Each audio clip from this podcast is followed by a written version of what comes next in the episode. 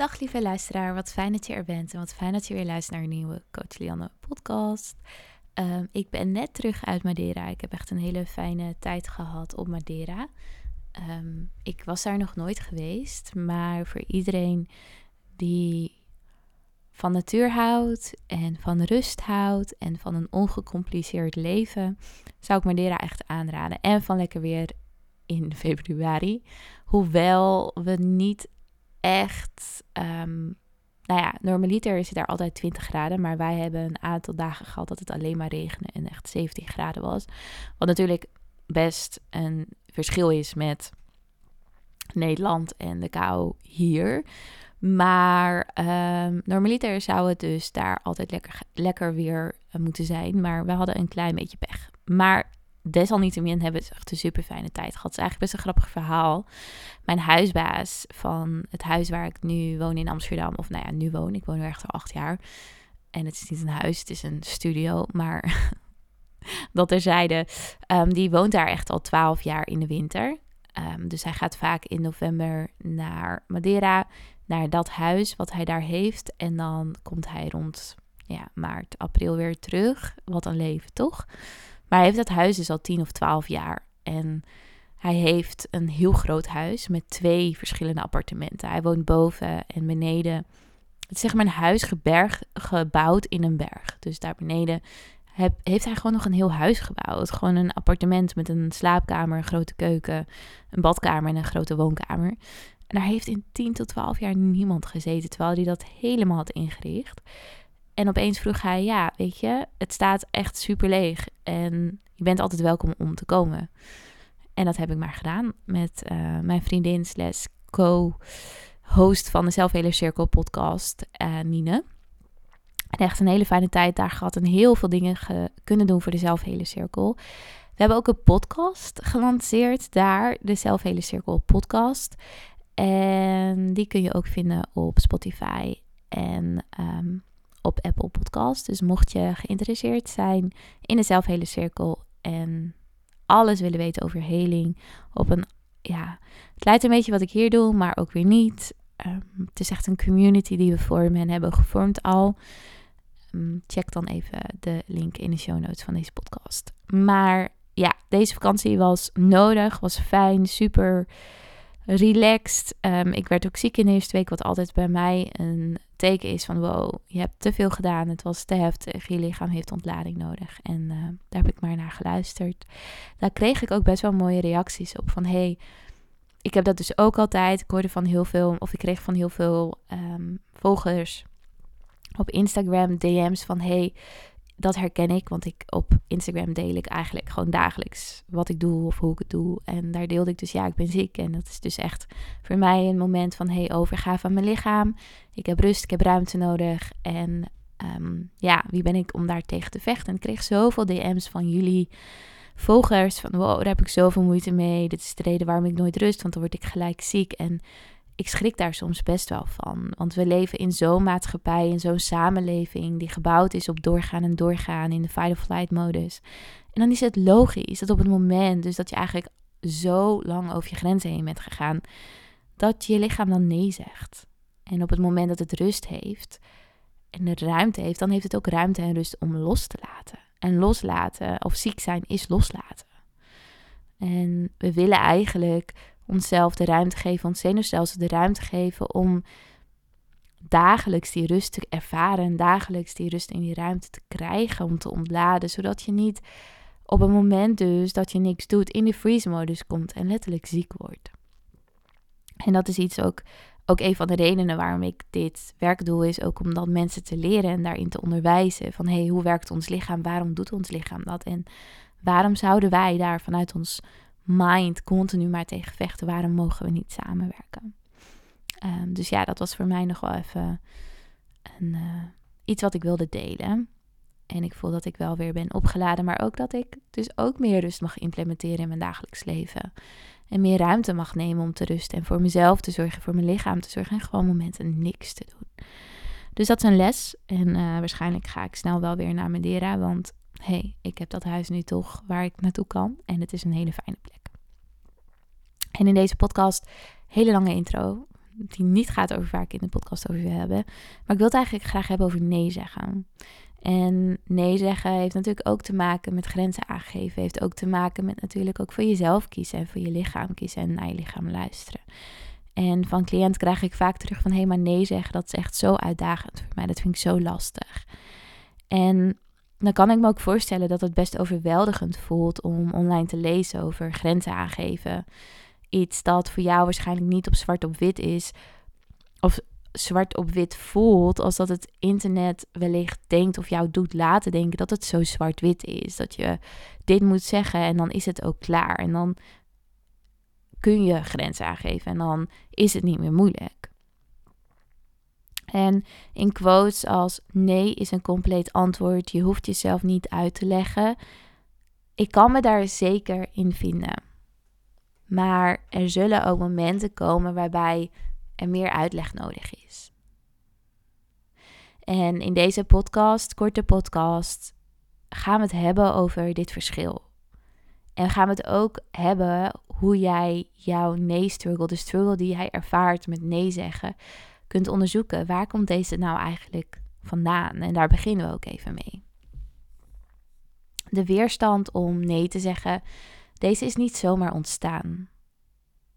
En je gaat er dan ook veel aan hebben om te starten met het onderzoeken waar deze struggle nou eigenlijk vandaan komt. En hier ga ik jou bij helpen. Ik nodig je uit om even je telefoon erbij te pakken met notities of bijvoorbeeld je journal erbij te pakken en onderstaande vragen op te schrijven welke ik nu aan je ga stellen. En ik ga deze ook even in de show notes zetten. En houd in je achterhoofd welke dingen jij hebt gehoord als kind en waarschijnlijk nu bent gaan geloven als jongvolwassene of als volwassene. Vraag 1. Heb jij vroeger geleerd dat je op deze wereld bent om anderen van dienst te zijn, zonder aan jezelf te leren? Denken. Dus heb jij vroeger geleerd dat je op deze wereld bent om anderen van dienst te zijn, zonder aan jezelf te denken? Vraag 2. Wilde je iedereen gelukkig houden? Was jij degene die probeerde om iedereen gelukkig te houden? En de harmonie te bewaken eigenlijk oh, in je gezin of in vriendschappen. Vraag 3. Leerde je vanuit respect nee te zeggen? Dus was het respectvol voor jullie thuis als gezin of in jullie omgeving om nee te zeggen? Of was het eigenlijk altijd respectvol ja? Vraag 4. Was er iemand in jouw leven die een voorbeeld was voor jou als het gaat om grenzen aangeven? Dus hoe stelde jouw ouders grenzen? Hoe stelde je vader grenzen, je moeder grenzen of misschien je zorgverleners grenzen? Hoe stelde jouw omgeving grenzen? Was er iemand in jouw leven die dat deed vroeger? En vraag 5, kon jij jouw behoefte delen en werd deze dan ook echt gehoord? Werd jouw behoefte gehoord? Werd jij gehoord op het moment dat jij deelde dat jij iets nodig had of ergens behoefte aan had?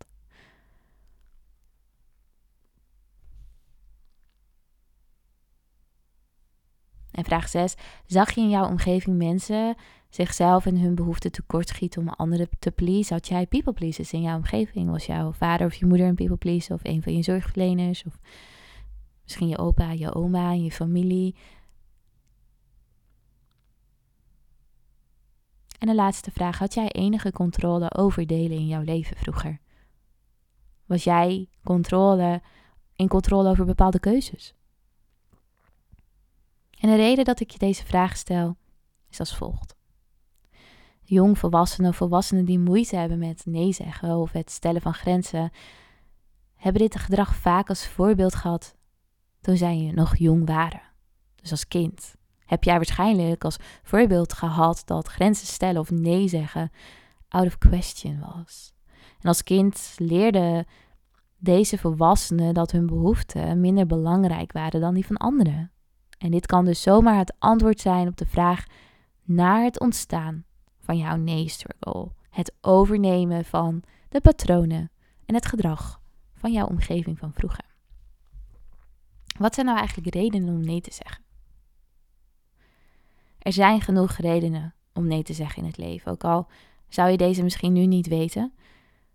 Ik ga je een opsomming geven van een aantal mooie en grote momenten waarop jij nee zegt en er eigenlijk gewoon geen uitleg nodig is. dus er is een reden om nee te zeggen in deze momenten zonder uitleg. Dit is het, ik hoef hier verder niks meer over te delen. En dat is op het moment dat je iets niet wilt, er geen tijd is, je hebt de energie of de mogelijkheid niet, het staat niet in lijn met jouw waarden. Je zei eerder ja, maar dit voelt uiteindelijk toch niet goed voor jou. Als jij ja zegt tegen dit, moet je nee zeggen tegen iets wat belangrijker is voor jou. Dus de ene zeg je ja tegen en de ander zeg je nee, omdat het ene gewoon belangrijker voelt voor jou. Je bent gewoon niet de beste persoon voor de taak waarvoor jij wordt gevraagd. Je hebt het gewoon nodig om een grens te stellen bij deze persoon. Als je ja zegt, voel je de wrok omhoog komen, omdat je ja zegt. Of het voelt alsof je wordt gebruikt door die persoon. Ja zeggen op voorwaarde van. Er gaan ook momenten komen waarop je niet de mogelijkheid hebt om nee te zeggen of om alleen nee te zeggen. Ik heb bijvoorbeeld met veel mensen gewerkt en veel mensen gecoacht, ouders, zorgverleners, medewerkers, die erg lastige, moeilijke en belangrijke taken moesten volbrengen, die zij op dat moment gewoon eigenlijk niet wilden doen. Taken waarop zij eigenlijk het liefst nee wilden zeggen, zonder enige uitleg. Taken die, wanneer er een nee als antwoord volgde, moeilijke en heftige omstandigheden en consequenties als gevolg zouden hebben. En dit is menselijk. Dit is het leven.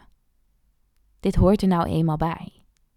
En wanneer dit gebeurt, is het beste wat je kunt doen het uitzoeken hoe je jouw grens misschien wat dynamischer kunt maken. Door jezelf bijvoorbeeld onderstaande vragen te stellen. Dus weer, pak je pen erbij.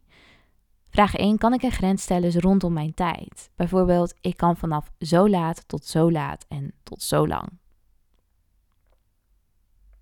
2. Kan ik een grens stellen in wat ik kan aanbieden? Bijvoorbeeld, ik kan X doen, maar Y niet. 3. Kan ik een grens stellen rondom mijn emotionele input? Bijvoorbeeld, kan ik deze taak afronden zonder dat ik het zie alsof deze ook echt van mij is en ik ook verantwoordelijkheid heb op emotioneel vlak? Vraag 4. Kan ik om hulp vragen? Ben ik de enige die deze taak moet voldoen? Of kan ik iemand helpen met een deel van de taak? Of kan iemand mij helpen met een deel van deze taak? En laatste vraag. Kan ik het deze keer doen, maar de volgende keer een andere grens stellen? Kijk, als het te laat is om het nu nog aan te passen, jouw grens, wat zou je de volgende keer anders willen doen? Wat zou je hiervan willen leren? Kijk, op deze manier zul je in plaats van compleet, volledig nee te zeggen, ja zeggen, maar wel op jouw voorwaarden. Dus hoe kun jij ja zeggen op jouw voorwaarden? En niet iedereen heeft uitleg nodig. Het is goed om te weten wie in jouw leven een uitleg nodig heeft en wie niet. Bijvoorbeeld, en dan hebben we het natuurlijk over oversharing. De cashier in de supermarkt hoeft, je, jou niet uit te leggen waarom je niet nog een extra sinaasappel pakt om te voldoen aan de 1 plus 1 actie. Maar maak je grote beslissing welke impact heeft op jouw partner, dan is het belangrijk te reageren en uitleg te geven. Twijfel je of een persoon een uitleg nodig heeft? Beantwoord dan deze vraag. Dus weer, schrijf deze even op. Vraag 1. Waarom wil ik deze persoon een uitleg geven over deze keuze? Vraag 2. Zou het onze relatie helpen zodra ik hen een uitleg geef? En vraag 3. Probeer ik het uit te leggen zodat zij begrijpen wat ik bedoel? Of ben ik op zoek naar goedkeuring? En goedkeuring, op zoek gaan naar goedkeuring, is vaak een vorm van people pleasing, maar ook een vorm van oversharing, zodat jij jezelf ook beter leert begrijpen en iemand anders jou leert begrijpen, zodat je geaccepteerd wordt. Oversharing is ook een hele mooie onderwerp en op de Cirkel Instagram hebben we daar meer over gedeeld en die link zet ik even in de show notes. Een van mijn favoriete quotes over nee zeggen is van Brené Brown. Brené Brown is trouwens een van de personen die mij echt heeft geïnspireerd om um, mijn droom achterna te gaan toen ik 17 was, super jong. Toen las ik haar boeken. Sterker dan ooit was een van mijn favoriete boeken van haar. En zij heeft daarin eigenlijk mij natuurlijk onbewust geholpen om een eetstoornis te overwinnen en mijn depressie te overwinnen. En ik lees soms die boeken nog nostalgisch terug. Om dat gevoel eens naar boven te halen wat ik had toen ik haar boeken lees. En heb ik natuurlijk 10.000 boeken gelezen over heling. Um, en heel veel opleidingen gedaan. Maar haar boeken zijn voor mij heel erg ja, belangrijk. En een van mijn favoriete quotes over nee zeggen van Brené is: Compassievolle mensen vragen voor wat ze willen. Ze zeggen nee wanneer dit nodig is en wanneer ze ja zeggen, menen ze dit. Ze hebben compassie en kunnen vanuit compassie handelen om hun grenzen, en uit, om hun grenzen te bewaken en hen uit wrok te houden. Zo, dit was even moeilijk voor mij om te zeggen. En kunnen vanuit compassie handelen om hun grenzen te bewaken, zodat zij zichzelf uit wrok houden. Hoe mooi is dat? Compassie is voor mij zo'n belangrijk woord. Een belangrijk gevoel wat ik iedereen wil geven. En een gevoel, compassie, empathie, wat ik meeneem in mijn, al mijn sessies. Het, een, het zijn twee magische woorden met twee magische uitwerkingen. En ik ben heel erg benieuwd, wat betekent eigenlijk compassie voor jou? Als je erover nadenkt of als je het voelt, waar voel je dat in je lichaam? En wat zou het betekenen als jij jezelf meer leert omarmen vanuit compassie, benaderen vanuit compassie en andere mensen leert benaderen vanuit compassie? Wat voor verschil zou dat maken in jouw leven? Veel vragen. Ik hoop dat je hier iets aan hebt en ik hoop dat je hiermee aan de slag gaat.